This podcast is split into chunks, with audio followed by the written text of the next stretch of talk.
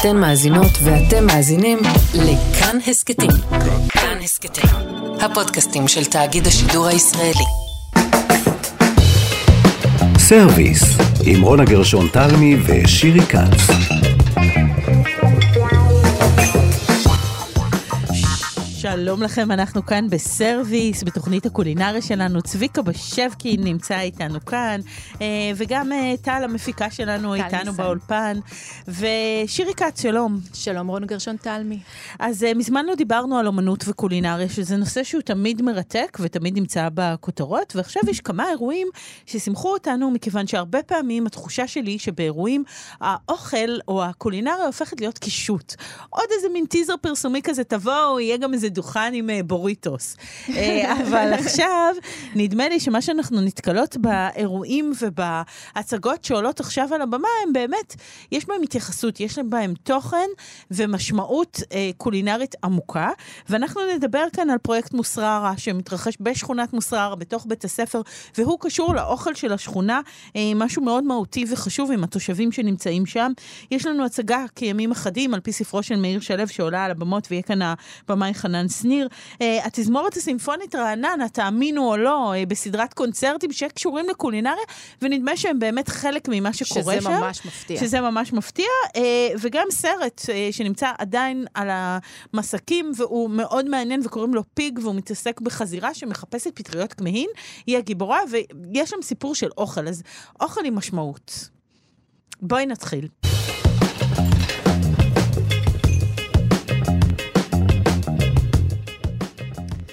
טוב, אנחנו מתחילות uh, באופן uh, מפתיע עם uh, צילום. ואוכל, שזה באמת מפתיע, כי איך אפשר להעביר אוכל בצילום? מיצגים, דווקא כן, אוכל אפשר כן. לצלם, תשמעי, כן. יש היסטוריה ענפה של... דווקא טוב, צילום לא מפתיע, אבל הסיפור המעניין בעיניי כאן הוא לא צילום, אלא הוא שכונת מוסררה. שכונת מוסררה היא שכונה מעניינת גם ככה, עם כל המאבקים הפוליטיים, ההיסטוריה הענפה שלה, אה, חלקה היסטוריה עקובת דם וחלקה אה, היסטוריה פוליטית עקובת דם, ויש גם עניין עם התושבים ועם האוכל, ובית הספר מוסררה מתעסק בדבר הזה. שלום. למנהל ומייסד בית הספר מוסררה, אבי סבג. שלום. שלום, שלום, שלום רב. אז אה, תשמע, על מוסררה אפשר לדבר הרי הרבה, כי זה באמת, אה, ההיסטוריה של ישראל נמצאת שם מהפנתרים השחורים ועד אה, עוד הרבה הרבה דברים אחרים. מה, מה העניין הקולינריה שם? קודם כל, להיסטוריה של השכונה יש משמעות כסוג של בסיס, מבחינתנו זה מכרה זהב, לחקור ולהתבונן כאנשים שבאים מעולם האומנות, מעולם היצירה. והמהלך הזה שזור בעשייה שלנו כבר מעל ל-30 שנה, אה, של ניסיון בעצם ושיתוף לחבירה בין אה, אמנים, יוצרים, אנשים שקשורים למקום, לבית הספר ולסביבה המיידית, שאכן אה, מאופיינת באקטיביזם חברתי, פנתרים שחורים, מצוקה, הדרה, תפר, וכל המקומות שאפשר למצוא בהם באמת אה, את הכוחות, את כוחות הנפש ואת, ה, ואת הכישרונות, אנחנו מנסים בעצם לחבר לתוך העולם שלנו, ולייצר איזה דיאלוג. אתם מתחילים מתוך מאבק, כי השכונה זו שכונה של מאבקים, מהערבים שעזבו אותה, עד היהודים שהתיישבו בה, עד באמת המאבקים הפוליטיים. אמ, זה נכנס גם לסיפור האוכל איכשהו? קודם כל, קודם כל, כל פעולה אומנותית היא פעולה של מאבק. אתה נאבק בצורך שלך כיוצר, אתה נאבק אה, בצורך שלך לחפש אמצעי ביטוי חדשים ולהיות נוכח בעולם. אה, אני חושב שהאירוע הזה הוא דווקא אירוע אה, מטיב, הוא אירוע שרוצה להפגין שמניות פרפורמנס של דווקא, חלקם אולי קשורות לבית הספר, אבל לא מכירות את השכונה עם נשים מהשכונה. ואיך זה נוצר? איך זה נוצר בפועל? אני, אני אספר בשמחה. Mm-hmm. עכשיו, הרעיון הזה נוצר באמת מתוך התפיסה הזאת של בית הספר של לעבוד עם המרחב המיידי, ולחקור אותו, להתחבר, לזרום לתוך הנרטיב הזה, שהוא גם הפנתרים וגם הקליטה וגם השפה וגם לפעמים פגיעה בזהות התרבותית וברגע התרבותי של אותן משפחות שהגיעו, רובן אה, ממרוקו, מגרה, בארצות ערב. לשכונת תפר, לשכונת גבול ב-48-49, והתהליכים שהם חוו, ודווקא ההתעניינות הזאת, האפשרות באמת לתת להם אפשרות להיות שותפות, לתת לנו את האפשרות ללמוד מהם, מהתהליכים של, של אוכל, של בישול, של כן קולינריה ברמה מאוד גבוהה, גם מתחבר להיסטוריה של הבניין שבו אנחנו יושבים. עכשיו, לשאלתך, איך זה נעשה? תראה, אנחנו כאן נוכחים בשכונה כבר מעל ל-30 שנה, אנחנו מכירים את המשפחות, מכירים את התושבים. בית הספר לצילום שלכם כשאתה אומר אנחנו, כן. הוא בית ספר לאומנות שיש בו צילום, מוזיקה חדשה, תקשורת חזותית, ניו מידיה, פוטותרפיה. זה תחום לימודי שאנחנו בעצם המצאנו. זאת אומרת, אנחנו הראשונים בעולם שמלמדים, מכשירים אה, סטודנטים להיות, לעשות שימוש בצילום ככלי טיפולי. עכשיו אנחנו מכירים את זה עם טקסטים ספרותיים, אה, בביבלותרפיה ובכל מיני אומנות אה, במה. פסיכודרמה יש. כן, פסיכודרמה, אבל באמת צילום זה משהו אחר, שמה, מי ש... עובר, בעצם הוא חלק מהטיפול, הוא מצלם, או שהוא הופך להיות מצולם, או שמה, איך זה נעשה? לדבר על התהליך עם אנשים או לדבר על פוטותרפיה? הכל אנחנו רוצות, הכל, הכל, הכל אנחנו רוצות. לא ידעת לקראת מה אתה הולך. אני בשמחה רבה. אה, פוטותרפיה זה בעצם אפשרות לעשות שימוש בכוחות של הצילום ככלי. והכוחות של הצילום ככלי הם קודם כל קשורים לזיכרון ולהיזכרות. לאפשרות שלנו להתבונן באלבום המשפחה, בצילומים מהילדות שלנו, למצוא את המקום שלנו בתוך המערך הזה ולהיזכר. וממקום אחר, האפשרות שבעצם אה, להפעיל את המטופל או את המטופלת דרך שימוש במצלמה, של להתבונן במציאות, של מה אתה בוחר לצלם, מה זה הצילום שאתה בוחר, מה אתה, על מה אתה רוצה לוותר ומה אתה רוצה להכיל בתוך הצילום. Mm-hmm. ומכאן זה בעצם בסיס לתהליך של שיחות, של דיבור משותף, של זיהוי של פרטים בתוך התהליך הזה, ואז נכנסים באמת לרבדים יותר עמוקים שלנו, רבדים נפשיים, ואפשר לעבוד עם ארגז החול כמו בטיפול רגיל ולשתול צילומים ולדבר עליהם. עכשיו, יש פה איזה תהליך שבונה, שנבנה בעצם על מערך רגשי ועל היכולת לבטא לפעמים לא באמצעים מילוליים, אלא חילופיים למילה.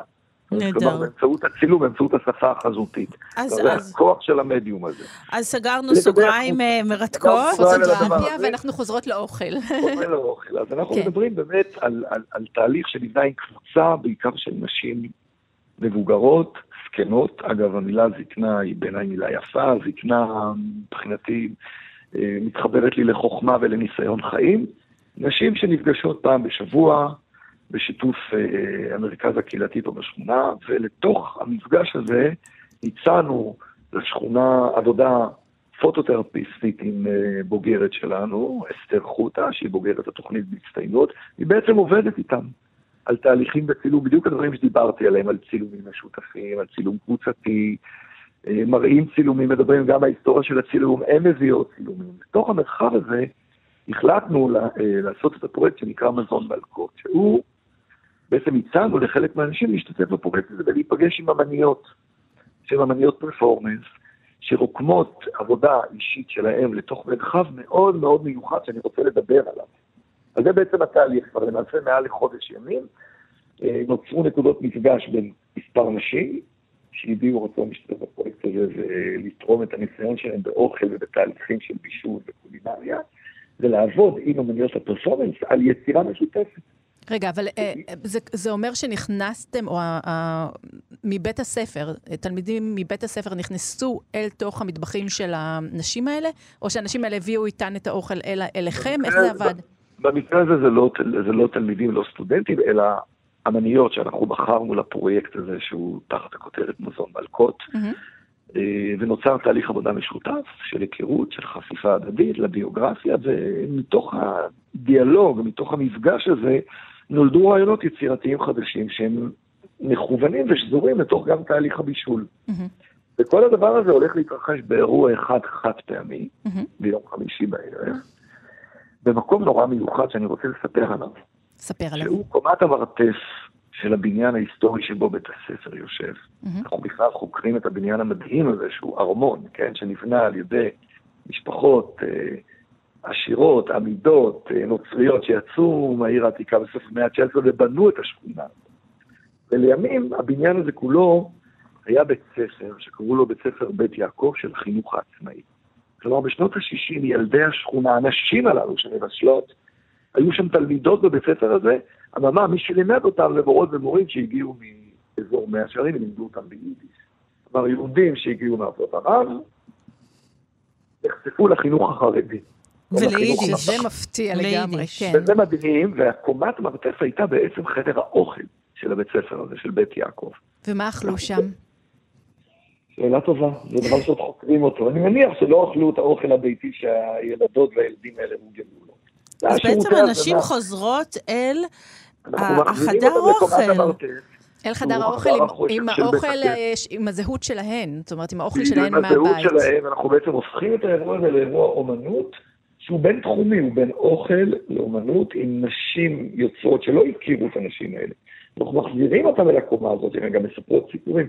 ויש פה נרטיב על נרטיב נרטיב שנוצר, וכל המהלך הזה נעשה גם במסגרת פרויקט שנקרא סדר תרבות של קרן ירושלים וקרן מנדל שתמך בפרויקט הזה, אבל הרעיון נולד בעצם מתוך הצורך שלנו להמשיך ולחקור את הסביבה המדית שבה אנחנו פועלים.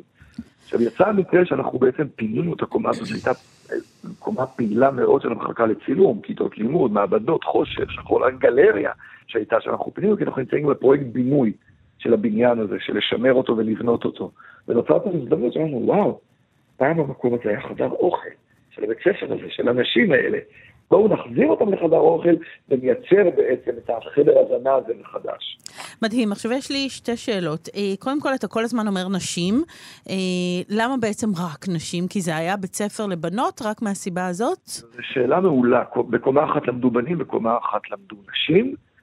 אני חושב שמתוך התהליך הפוטותרפוטי והעבודה הקהילתית, עם הקבוצות התברר שרוב הקבוצה הפעילה שעובדת באופן רציונלי היא מורכבת מנשים, היה שם גבר אחד. אז חשבנו שיהיה נכון, במקרה הזה, להקדיש נשים אמניות עם נשים והשכונה, ולא גברים, גם כדי לייצר איזה סוג של אחווה נשית, של שיתוף פעולה, של חיבור, שלא לייצר מבוכה. בכל זאת מדובר בנשים רגילות לבשל במטבח שלהם, לבוא למפגש השבועי ולחזור הביתה, וכמה אומר להם בואו, תתחברו לזה האומנות. כן. אני חושב שזה איזה סוג של גשר נשי שהוא נראה לנו יותר נכון ויותר אה, קל בתקשורת.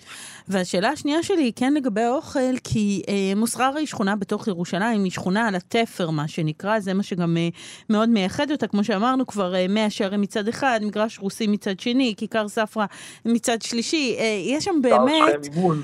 שער שכם ממול, אז יש שם באמת מעין אה, מיזוג גלויות כזה, זה הסיפור של השכונה, שיש בו גם הרבה פוליטיקה כואבת. זה ניכר באוכל? זאת אומרת, זה משהו שאנחנו נראה בו איזה מפגש תרבויות? אה, אני, אני לא יכול כרגע לחשוף בדיוק את הדברים שלי, אבל ברור שיש שם קוסקוס, ויהיו ממולאים, ויהיו דברי מתיקה, אבל גם תהיינה עבודות פרפורמנס של אמניות, שגם יוצרות חסך, שאתה לא בהכרח בתוך עבודה גם תטעם את האוכל. זאת אומרת, יש איזה מהלך טקסי שאנחנו עושים. הוא אגב מסודר בצוותים, זאת אומרת, מגיעה קבוצה לאורך הערב, היא נכנסת, היא עוברת תהליך טקסי, היא עוברת מעבודת אומנות לעבודת אומנות, ובסוף הבליק שהיא תהיה טעימות. והטעימות יהיו באמת אה, אה, מהמטבח אה, או מהתבשילים שהם נשענים על המסורת של הנשים האלה בעיקר. שזה בעיקר, אמרנו, יוצאות מרוקו. יוצאות מרוקו, נכון. בעיקר. טוב, אז זה מעניין. תשמע, אה, ב- ממש בכמה מילים, כי אנחנו צריכות לסיים, אה, יש גם איזה ספר מאוד מעניין שיצא, נכון. לדעתי, בשנות ה-90 של המאה הקודמת, כן, כן, שבעצם אה, מ- מדבר על אוכל במוסררה. כן, אני אשמח לדבר על זה, רק רוצה באמת להציג עוד פרויקט שמתרחש במקביל דווקא בקומת הגלריה בבניין המדהים שלנו, שנקראת מיני קולינר, שיוצרת האמנית והשפית אה, בר איילון. היא בעצם עושה מין, אה, נקרא לזה מיצב נוף טיפוגרפי, או טופוגרפי אפשר להגיד, שבמרכז הגלריה היא יוצרת איזה מיצב על הרצפה שבנוי מחומרי גלם, חומרי אוכל, חלקם מקומיים, חלקם אקזוטיים, חלקם היא אספה לאורך התקופה, בעצם יוצרת איזה מין נוף אוכל בתוך המרחב הזה, ואנשים מוזמנים לחוות את המיצב הזה, את מיצב האוכל הזה, חלק להתבונן, ובחלק מסוים של הערב תהיה אפשרות אה, לחשוף דברים שנולדים מתוך המיצב, ללקט אותם, לבשל אותם ולטעום אותם וגם להאזין לסאונד. מעניין, אז זה ממש עיסוק באוכל. זה אה, ובכמה מילים על הספר, כי על אנחנו ממש, יש אוכל. לנו דקה. כן, על הספר האוכל. תראי, ספר האוכל הזה, שקראנו לו אוכל במוסר, טל אדלר ואני, שהוא בוגר בית הספר, ויזם את הפרויקט, קשור לפרויקט גדול שנקרא מוסר המונמור, שבמסגרתו אני כינסתי סביבי קבוצה של 40 יוצרים, כולם קשורים לבית הספר, והצגנו עבודות בבתים של התושבים. אחת העבודות אומנות הייתה בעצם ליצור את ספר האוכל, שמתבסס על סיפורים של תושבות השכונה ועל המצפוניים שלהם. עכשיו, הספר הזה בנוי כך שאנחנו לא מצלמים את האוכל, אלא מצלמות את, מצלמים את הנשים. אבל יש כאן פורטרטים של אנשים מספרות את הסיפור האישי. ומתכונים. ומתכונים. למשל, אורלי צריך לבדוק את זה, כן. מה, שהיא כבר זיכרונה לברכה, היא מספרת את הסיפור שלה, שהוא שוב הוא סיפור של קליטה, של מאבק, של עלייה, של תחושות של קיפוח, וכאן בעצם זו הייתה פעולה של גם העצמה, לבוא ולהגיד לשכונה, הנה, יש לכם מה להציע. יש פה יש סיפורים, סיפור. מתכונים, איכויות, אבל הנשים הן נוכחות, הן בלב העניין. הם בלב העניין, וגם האוכל, ואמרת לנו משהו מעניין, שעם כל השינויים שהיו בשכונה הזאת, זאת אומרת, מהערבים שבעצם עזבו את השכונה, עד התושבים שהגיעו לשם, אה, השכונה, אה, התושבים שלה די יציבים עכשיו, זאת אומרת, הנשים האלה כבר חיות שם שנים, ואתה לא מדבר על איזה קהל חדש, אתה מדבר על תושבים שהם ותיקים בשכונה. תראה, יש... קודם כל יש כאן, את שכונת מוסר, שכונה שיש לה, שהיא מכה שורשים לעומק. קודם כל יש פה כבר דור שלישי ורביעי של אנשים שנשארים בשכונה. יש תנודות, כמו בכל מקום, זאת אומרת, יש תנועה, בשנות ה-80 הייתה תנודה של אנשים, אמנים ויוצרים, אנשי מקצועות חופשיים שבאו ובאמת רכשו את הבתים המדהימים והיפים, שהם חלק קטן, קהילה שפועלת ופועמת לתוך המרחב הזה. יש תנועה של אה, קבוצות של משפחות חרדיות שמגיעות ומאכלסות חלק מהשיכונים. כלומר, יש פה בעצם, נקרא לזה הרב-תרבותיות או הרב-זהותיות של השכונה עדיין מתקיימת. אבל אני לא הייתי משתמש במושג ג'רניפיקציה, כי הוא לא קיים כאן, אם קורים תהליכים הם טבעיים. הם אוקיי. טבעיים. טוב, אז תודה רבה. בבית הספר מוסררה, מי שרוצה שיברר את הפרטים לגבי האירועים הללו, תודה, תודה רבה לך. תודה, אבי סבג. אבי סבג, מנהל ה... בית הספר להתראות. תודה רבה רבה. ביי. סרוויס, עם רונה גרשון תלמי ושירי כץ. אנחנו uh, כאן בסרוויס, והנושא שלנו היום בתוכנית הוא אומנות וקולינריה, ועכשיו אנחנו עוברים אל מסך הקולנוע. Uh, בימים אלה מוקרן uh, הסרט Pig, סרט שעורר הרבה דיבור ושיח, ונדמה לי אפילו כבר פרסים. אנחנו נדבר עם מבקר הקולנוע של מאקו. תומר קמרלינג. שלום. אהלן, מה העניינים. בסדר, תומר. אה, אז אה, תגיד לנו, קודם כל, תכף תספר קצת מה רואים בסרט הזה, ותוך כדי תגיד לנו גם אם הוא בעצם סרט על אוכל. שאלה מעולה. אה, לא. זאת אומרת, זאת אומרת, אוקיי, הוא גם סרט על אוכל, אה, ולמען האמת, אני חושב שהסצנה הכי טובה בסרט אה, היא מאוד על, מאוד על אוכל. אה, בלי ספוילרים ובלי ככה יותר מדי להיכנס ל... בכלל לפרטי העלילה, אה, נקודת המוצא, ולוקח, ולוקח הרבה זמן, והסרט מתעכב הרבה על נקודת המוצא, היא אדם, אה, ניקולס קייג', מבודד לו ביערות בצפון המאוד פראי של אמריקה, ושם הוא צד פטריות כמהים באמצעות חזירה. אה, זאת אומרת, בעצם כמו שעושים את זה הצרפתים, בניגוד לשיטה עם הכלבים, אז פה יש לנו עניין עם חזירה, אה, שהוא אה, אילף וכולי לחפש כנעים. ברור מהרגע הראשון אבל שהאיש הזה יש לו היסטוריה, זאת אומרת, הוא, הוא לא נולד צייד כמהים. עכשיו, כשאנחנו מתחילים להבין מה הסיפור שלו ואיך הוא הגיע לנקודה הזאת, אז אנחנו אה, גם מבינים את הקשר שלו לעולם הקולינריה, שהוא קשר הרבה יותר אה, ארוך ועמוק מאשר אה, ציד כמהים. ובמסגרת המסע המשותף שלו לחיפוש אותה חזירה כשהיא נחטפת ממנו, כי כמובן זה כלי עבודה ששווה המון כסף, בחזירת כמהים, אנחנו מגיעים באיזושהי נקודה למפגש שלו עם הסצנה הקולינרית סופר היפסטרית, שלא לומר פלצנית, ושם יש רגע פשוט אדיר שמפרק לגורמים את כל עניין הקולינריה. זאת אומרת, הסרט הוא מאוד אפרופו קולינריה וכל הזמן נמצא בסביבה שלה, אבל מצד שני, הוא מאוד מה שנקרא character driven. זאת אומרת, סיפור זאת אומרת, על... סיפור הגיבור, סיפור על, סיפור כן. אנושי בעצם, אבל יש כאן ביקורת על עולם הקולינרס, תיארת את הסצנה הזאת, שעכשיו אני ממש סקרנית לראות אותה. אני חושבת שראיתי אותה בטריילר, היא לא אה, ספוילר. יש, יש סיפור כזה, שבעצם אומר, מנפץ את, ה, את הכסף ואת הכוחנות ואת ה... בעצם אולי הלא חברתיות הזאת שיש בעולם הקולינריה הגבוה? במובנים רבים כן, אה. הוא, זאת אומרת, תראי, הסרט הוא לא, הוא לא אנטי אה, אה, קולינריה גבוהה, מן הסתם. זה לא, זאת אומרת, זאת לא הנקודה, אלא מנסה, והאמת שמנסה לא רק בסאבטקסט, אלא בנקודה מסוימת גם בטקסט, לדבר על זה שזה, רבאק, זה תשוקה. זאת אומרת, כל עוד זה תשוקה, ובית תשוקה אז הכל בסדר, וברגע שזה show-off, או ברגע שזה אה, אה, לנסות להיות משהו שאתה לא, אז כמובן שזה לא שווה כלום, והאמת היא שבואי, לא צריך להיות איזה, זאת אומרת, גם בחוויה של סועד אה, בכל מסעדה, כן. בדיוק, אם אתה מרגיש שעושים עליך אה, מה שאבא שלי קורא אבו עלי, אז, אז אוקיי, אז, אז, אז אולי הייתה ביקורת נורא טובה באיזה מקום, אבל זה לא זה, לא זה ולעומת זאת, שוב, קלישאה, אבל מה לעשות שזה נכון, שאם היה פשוט ומעולה, אז זה היה מעולה. זאת אומרת, יש, יש משהו בכלל בדמות הזאת, שאגב, ניקולס פייג' בתפקיד ששנים, שנים, שנים שלא ראינו אותו ככה. אה, זאת אומרת, משחק טוב, עבודה. אתה אומר. כן, כן, גם בא לתת עבודה, לא לעשות את השטיק, כן? לא, לא, לא לחכות למלטאון, כן? שהנה עכשיו אני צורח, אני יודע שבשביל זה באתם. אמ, יש שם משהו מאוד נוגע ללב בסיפור האישי שלו, אבל יש שם גם משהו נורא נוגע ללב בסיפור שלו כאומן אוכל. ואני חושב שאחד אה, הדברים הבאמת אה, מעניינים בהקשר הזה בפיג, וזה די נדיר בסרטים ש, שמתעסקים בעולם הזה, זה שה...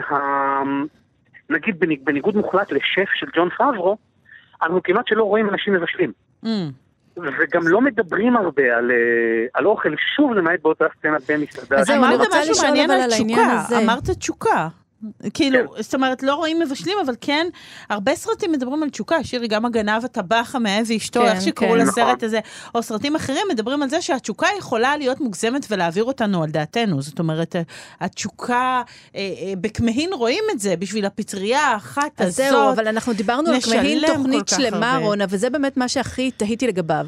דיברנו על הארומה המטורפת שלה ועל הטעמים הנדירים שלה. אפשר להעביר ריח וטעם בסרט? קודם כל את מדברת עם תתרן. לא- אני בדיוק בן אדם לשאול אותו. היה, אגב, אני לא יודע אם אתם יודעות, אבל ניסו שוב ושוב, ועכשיו בדיוק קראתי שמנסים בפעם המאה לייצר אה, אה, אולמות קולנוע שבהם אתה, אה, כצופה, אתה כן. מקבל איזשהו גאדג'ט שמאפשר לך להריח את מה שקורה על הריח עובר החוצה מהסרט, כן. זאת אומרת, זה חלום, זה life long חלום, הדבר הזה של סרטים שבאמת מאפשרים לך להריח. אני חושב אה, ש... וזה אנחנו, לא צריך שזה אה, קולנוע אה, אמריקאי משוחרר, אני חושב שאפילו בתוכניות אוכל טובות, mm-hmm. אה, הקלישה המפורסמת של חבל שאתם לא יכולים להריח וכולי וכולי, אני חושב, ש... אני חושב שמאוד קל באמצעים של מצלמה ותאורה ואיפור אוכל, מאוד מאוד קל להנגיש.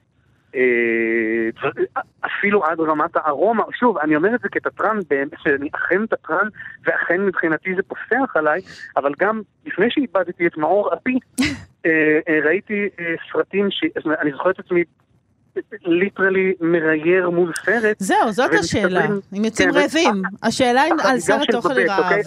החגיגה כן. של בודט, שהוא סרט... איזה סרט של אהבת אוכל. כאילו, באמת, אז אני זוכר שהמון הקרנות של מה מיוחדות, זה לא הייתה ההקרנה הסטנדרטית, אבל היו המון אירועים של לראות את החגיגה של בבית ולעוף לאכול. לאכול, חייבים, כן. אי אפשר היה לעמוד בזה בכלל. אז, אז בפיג יש בכלל סיפור כזה? זאת אומרת, הוא מעורר איזשהו רעב? כן, כן, כן, כן. כן, כן אז כן, כן. כן וגם יש איזה עניין כזה שאולי אנשים היום כל כך הרבה צופים בפורנו, שרק צפייה באוכל יכולה לגרות אותם? יש uh, uh, בדיחה מאוד מפורסמת של רודני דיינג'רפילד, הוא מדבר על זה שהוא הגיע לגיל שהאוכל החליף את הסקס בחייו, הוא שוקל להתקין מראה על התקרה במטבח. מצוין, אה, מצוין. אז כן. לשם אנחנו צועדים. אני נורא מסכים שיש משהו משיק, אבל פה גם, שוב, בגלל שזה פשוט סרט כל כך טוב, אז בסצנה האחת שהיא סביב ממש ארוחה, אי אפשר שלא, זאת אומרת, אה, וגם יש שם עניין שלהם סביב אותה איזושהי ארוחה שהיא נוסטלגיה של דמות אחת ו, ומכינה אותה דמות אחרת. שוב, אה, הסרט לטעמי לא צריך להיות חובב קולינריה כדי ליהנות ממנו. זה סרט על גיבור, אתה אומר, סרט על גיבור כן, כן. אנושי. כן, כן, ומצד שני, אני משוכנע לחלוטין שלחובבי קולינריה יש פה ערך מוסף אדיר. נהדר, אז גם וגם, אז אה, תומר Pig אה. בקולנוע, בימוי מייקל אה, סרנוסקי, משחק ניקולס קייג' ואלכס וולף. תודה רבה לך, תומר. תודה רבה לכם. תודה, ביי. להתראות, מבקר הקולנוע של מאקו. סרוויס, עם רונה גרשון תלמי ושירי כץ. אז עכשיו על הבמות, אה, כאן בסרוויס, דיברנו כן, על אה, כן. קולנוע כבר, דיברנו על אה, מיצגים ותערוכות, ועכשיו אנחנו עולים אל הבמה, אל הקאמרי, עם אה, כימים אחדים, אה, על פי בימתי. ספרו של מאיר של מאיר שלו. אה, והבמאי חנן שניר נמצא איתנו, שלום חנן. שלום רב. שלום, שלום. אז תראה, אנחנו תוכנית אוכל, ולכן אנחנו מיד ניקח אותך ונשאל אותך על העמק הזה שמופיע בכימים אחדים, מה עשיתם איתו על הבמה? קודם כל אני אה, חייב להתוודות שבספר של, אה, של מאיר שלו יש המון המון אוכל, יש אפילו באנג- תרגום לאנגלית קוראים לזה ארבע ארוחות, יש המון המון אוכל כאן והוא מבשל נפלא, אבל הבעיה היא שאוכל אני לא יכול לעשות על הבמה וזה לא יכול להיות אמין. אז חלק מהדברים שאני צריך, את יודעת, להוריד במחזות, לעשות איזה מין דילול, להוריד כל מיני דברים שאני לא יכול להראות אותם על הבמה. מה אי אפשר להראות? זאת אומרת, מה, למשל כיכר של לחם? זאת אומרת, אפשר לעשות איזה כן, כיכר לא, לא, לחם אבל- ענקית, או... אבל יש שם אדם שהוא לא, בשלן. לא, על זה אני מדבר. יעקב. כל, כל הבישולים, שיש כאן המון בישולים, שאותו אדם, שיעקב שיינפלד, שהוא בשלן ידוע וכל פעם הוא מפנק את, ה, את הבן שלו. מה שקורה כאן, יש כאן שלושה אבות לילד אחד, והילד כל הזמן רוצה לדעת מי האבא האמיתי שלו. אוקיי? זה בעצם לב הסיפור, שנולד ילד, הוא לא יודע מי האבא שלו, יש לו שלושה אבות, יש לו אימא, שעברה טראומה מאוד מאוד גדולה בנעוריה, לקחו לה את הילדה, ואחר כך הייתה לה לידה שקטה, והיא מגיעה לכפר, ובכפר הזה קורה מה שקורה, ויש לה, ויש לילד שלושה אבות, והוא רוצה לדעת מי הילד שלו. מי רגע, ה- רק מי אם אנחנו שלו. מחברים את זה לענייננו, אבא אחד הוא עיקר, אבא אחד סוחר בקר, ואבא אחד הוא בשלן חולמני. זה בדיוק התוכנית שלנו, אגב. התחומי העיסוק האלה. כן. אבל כולם גרים בכפר, כולם הם, הם, הם פחות או יותר חקלאים חוץ מהסוחר הזה, מהמם. שקוראים לו הסויכר שהוא סוחר בקר. כולם, הכל סביב שדה, בקר, פרות, ויש גם גם פרות. כל השחקנים משחקים גם תפקידים, אבל גם משחקים את בעלי החיים. מהמם. משחקים פרות, משחקים סוסים, פרד, כל הדברים האלה. אבל למה בעצם? למה השחקנים משחקים פרות? כי פרות הן, הן היו דמויות של ממש בתוך העולם הזה? כן, ברור. לא רק זה, שם נולדת, אה, יש שם עגלה, שיהודית, האישה הזרה שמגיעה לכפר, מכל מיני סיבות שאני כרגע לא אתחיל לפרט אותן, היא מאמצת אותם כמו פרת מחמד, כמו, כמו מישהו שמאמץ כלב. והעגלה הזאת חיה איתה, וישנה איתה, אגב, היא ישנה ברפת, זאת אישה שעברה טראומה בילדותה, וכשהיא מגיעה לכפר, היא לא מוכנה שאף גבר ייגע בה, יתקרב אליה, והיא מחליטה לגור במקום הכי מסריח, במקום כזה שאף גבר לא יתקרב אליה. ואז נולדת עגלה שהיא מאמצת אותה. זה סיפור ארוך שאני לא יכול להיכנס ל... אז לא, לא, אתה מסביר. היטב, אז היא חיה ברפת באמת. אה, אז אוכל קשה לך להעביר על הבמה, חנן. זאת אומרת, אמרת את הארוחות האלה, את הבישול, אה, קשה להעביר על במה של תיאטרון. אה, נכון. פרות למשל, איך, איך עושים את ההעברה הזאת? איך מייצרים? השחקנים כולם חקלאים, כמו שפעם היו הולכים, מכנסיים קצרים, גופיות, עניינים וכולי, ואז כדי להיות uh, פרות, הפרות נמצאות גם בזה, הם פשוט באים, כל אחד בא בתורו לחליבה, עם הבגדים שלו כשחקן, שמים לו ראש של פרה על הראש, מלצים אותו, חולבים אותו, נקסט פרה הבאה. והכל נעשה, את יודעת, עם קריצה, עם הומור, השחקנים רואים, הם יושבים בכיסאות מהצד, נכנסים לתפקיד, יוצאים מהתפקיד, זה לא ריאליסטי, זה לא ריאליסטי, זה קצת כמו מין אגדה כזאת, אגדה כפרית, אגדה אה, נוסטלגית, יש שם דרמה מאוד מאוד גדולה, ויחד עם זה גם יש הרבה מאוד הומור וקריצות. אז אה, על האוכל יש תפקיד בספר, תכף אולי תנסה לחשוב איתנו בספר מהו. תפקיד גדול מאוד, מה, אבל... מה, ב- ב- מה התפקיד שלו בספר? מה התפקיד של כל האוכל הטוב שמתבשל שם בסירים? הדרך של, אה, של יעקב להתקרב לבן שלו, הרי יש לו שלושה אבות, כל אחד נותן לו משהו שיכול לתת.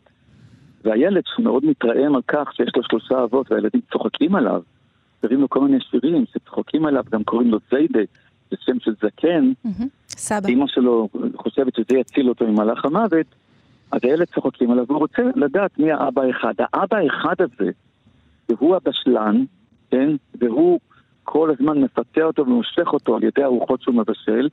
את הבישולים עצמם, אני לא יכול ממש אה, אה, להראות על הבמה, כי צריכים לעשות אלימינציה, מה, מה אני יכול לעשות ומה אני לא יכול לעשות. אבל בספר עצמו, יש איזה מקום מאוד מאוד נכבד לארוחות שלו, שעל הבמה אני פשוט לא יכול לעשות אותם, אבל יש כאילו ארוחות, אבל לא ממש אוכלים.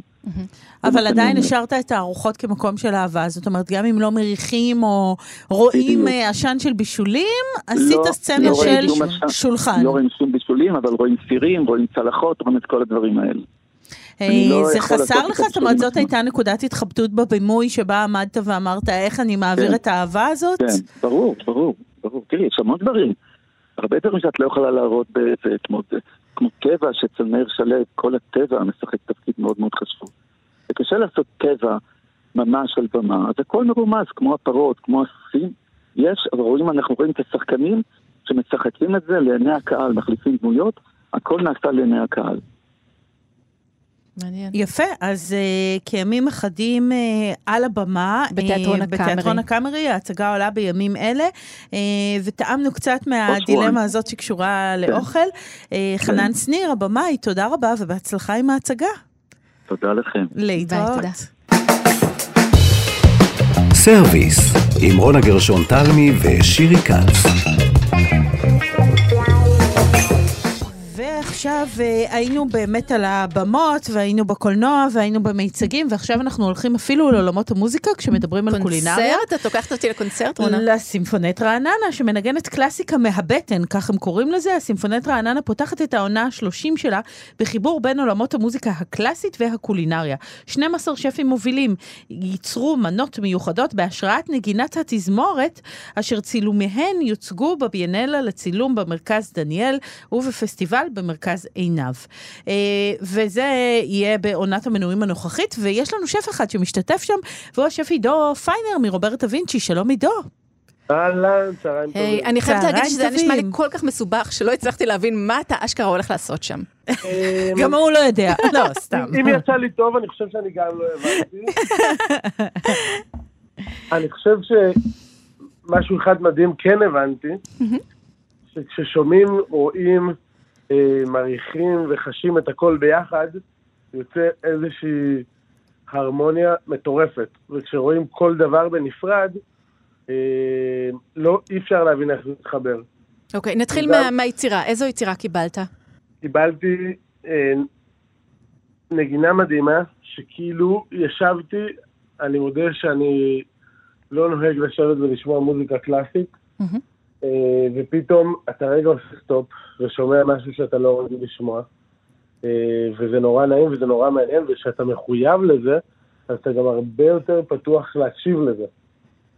זאת אומרת, זה מה שהייתי צריך לשמוע, ישבתי בכיף שלי על הכיסא רגל על רגל והקשבתי, ופתאום שמעתי אה, צלילים שונים שכנראה לא הייתי שומע אם זה היה סתם ברקע, ניואנסים נורא מעניינים. אה, זה היה נורא כיף, ואז אה, אה, היצירה, אה, יד כזו על פסנתר מאוד כזו עוצמתית. זה היה נורא נורא מעניין לי פתאום לחשוב מה החיבור של, של הנגינה ששמעתי ושל ה, ה, ה, היצירה שקיבלתי.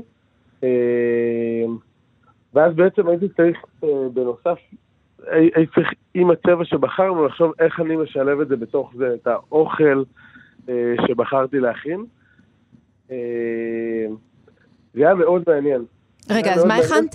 רגע, תספר הכל, בשביל זה אנחנו כאן.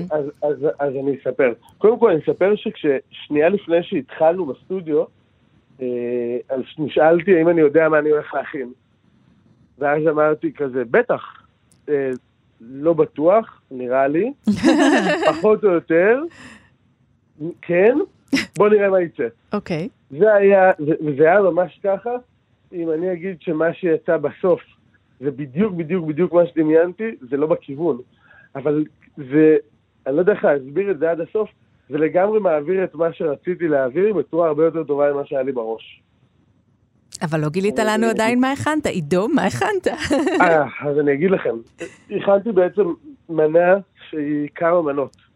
החשיבה הייתה איך אני מייצר מנת עגבניות, אה, והיה לי מעין קפלטי ברוטב עגבניות, ואז חשבתי, רגע, אני רוצה עוד מנה כי אני חזיר, ובא לי לעשות עוד משהו.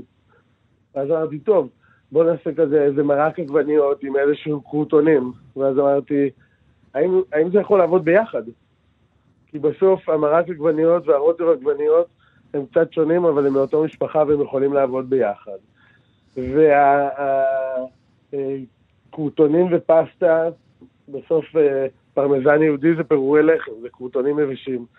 זה מתחתן ביחד, ויצא איזושהי שתי מנות שהפכו להיות מנה אחת מאוד, בעיניי, מאוד הרמונית, מאוד מעניינת, מאוד אה, אה, חושבת, ואני לא יודע, זה, זה עבד לי, פתאום שראיתי מה עשינו עם הציור, עם, התמול, עם המוזיקה, זה היה, זה היה נורא נורא נורא מעניין. זאת אומרת, אתה באמת חושב, עידו, עם יד על הלב, שהמוזיקה השפיעה על המנה הזאת? חד משמעית, סימן קריאה. כן, בכלל זה יכול לעבוד כך? זאת אומרת, אם אני אכנס אליך למסעדה ועל אותה מנה אתה תשמיע לי רוק כבד, שיר ילדים, קטע קלאסי, בטוח, זאת תהיה בטוח, מנה שונה? בטוח. תקשיבו, אנשים לא מבינים את המשמעות והכוח שיש למוזיקה, בכלל לכל מה שבא מסביב לאוכל. את לא יכולה אפילו להבין מה המשמעות של מוזיקה ותאורה במסעדה. את לא תדעי להגיד, המוזיקה לא הייתה לי נעימה. אבל משהו יגרום לזה שאת תשבי פחות ואת תאכלי את האוכל מהר יותר. זאת אומרת, יש מוזיקה שלא שמים במסעדות. בטוח, אבל בסוף במסעדה אתה עושה משהו עגול. זה הכל צריך להיות שלם. בדיוק היה לנו דיון על זה עם המנהל שלנו בבורגריה שיש לנו בהרצליה, שהוא נורא אוהב רוק כבד, ואמרנו, תקשיב, שחר, זה, זה אחלה, זה מדהים, אני מוכן לבוא בסוף הערב לשמוע איתך רוק כבד, אבל אם תעמוד פה, תנסה לדמיין את ההמבורגר שאנחנו מגישים באווירה הזו עם רוק כבד, זה לא נעים. אז מה, חורשת האקליפטוס או מה שמים? אני לא יודע אם חורשת האקליפטוס, אבל אה, רוק קלאסי סוכם. ופתאום היה יותר נעים. אמרתי, בוא תעמוד, תעשה מיוזיקל. המבורגר, אבל זה. להמבורגרים, ומה במסעדה שלך? מבחינת מוזיקה? אז אותו, אני אומר, זה אותו דיון. בסוף אני חושב שאורח צריך לצאת בארוחה במסעדה בתחושה של הייתה מוזיקה נורא נעימה, אבל הוא לא יזכור איזה מוזיקה הייתה. הוא פשוט יזכור שהייתה מוזיקה נורא נעימה. שעבדה לו טוב אה, עם המנה. טוב, אז דיברת מאוד יפה בהתחלה על הפירוק הזה של הצלילים, הרי יצירה מרכיבים מהמון תווים, אה, ואיך זה קורה פתאום באוכל, אה, וזה מתחבר. אז חיבור מעניין, תשמע, נשמע כמו ניסיון מעניין שעבר עליך. לחלוטין. היה ממש כיף וסופר מעניין. יפה, אז אה, אנחנו נאמר לך המון תודה אה, על השיחה הזאת. אה, שף עידו פיינר, רוברטה וינצ'י, תודה רבה. תודה לכם. תודה, תודה, ביי, ביי. ונזכיר שוב שאנחנו מדברים על התזמורת, הסימ- התזמורת הסימפונית רעננה, שעושה את הפרויקט הזה יחדיו עם 12 שפים, שם גם את חיים כהן ועוד אה, שפים רבים ומעניינים, שבאמת מבשלים בהשראת הצלילים. אה, ושירי, אנחנו חותמות את התוכנית הזאת על אומנות וקולינריה, וכל הזמן אנחנו רואות שהקולינריה נכנסת אל תוך האומנות לא רק כקישוט, אלא יש פה ממש מעשה של אהבה, מעשה של שינוי. אה, שכמו שאמר עידו, המחשבה הראשונית שלו על מה הוא יבשל, השתנתה בעקבות המוזיקה שהוא קיבל, וגם בספר, אה, אהבה אה, של מאיר שלו, כימים אחדים, האהבה ניתנה בעזרת התבשילים, ואנחנו רואים ממש כמה אוכל משפיע, והוא לא רק קישוט, אני חושבת שהקורונה גם לוקח תרמה לזה, חלק מאוד אגב. משמעותי, כן. שחלקנו מבינים עד כמה אוכל הוא מהותי. אנחנו לא רוצים רק את הדוכן שתואמים בו, אלא אנחנו רוצים את הסיפור כולו. אולי גם אוכל וגם אה, אומנות, שניהם נוגעים לעניינים הישרדותיים? זה מוגזם לומר? לא, לא, לגמרי לא. אני חושבת שזה מה שהבנו כולנו. אז, אה, ו, ועובדים על החושים שלנו, שזה תמיד, אה, ככל שיהיו לנו יותר חושים בחוויה, החוויה תהיה גדולה ומועצמת. אז נאמר תודה רבה רבה לכל העושות במלאכה שהיו איתנו כאן, טל ניסן וחן עוז, ולך, שירי כץ. תודה, רונה גרשון תלמי. אנחנו ביי. בסרוויס היו שלום.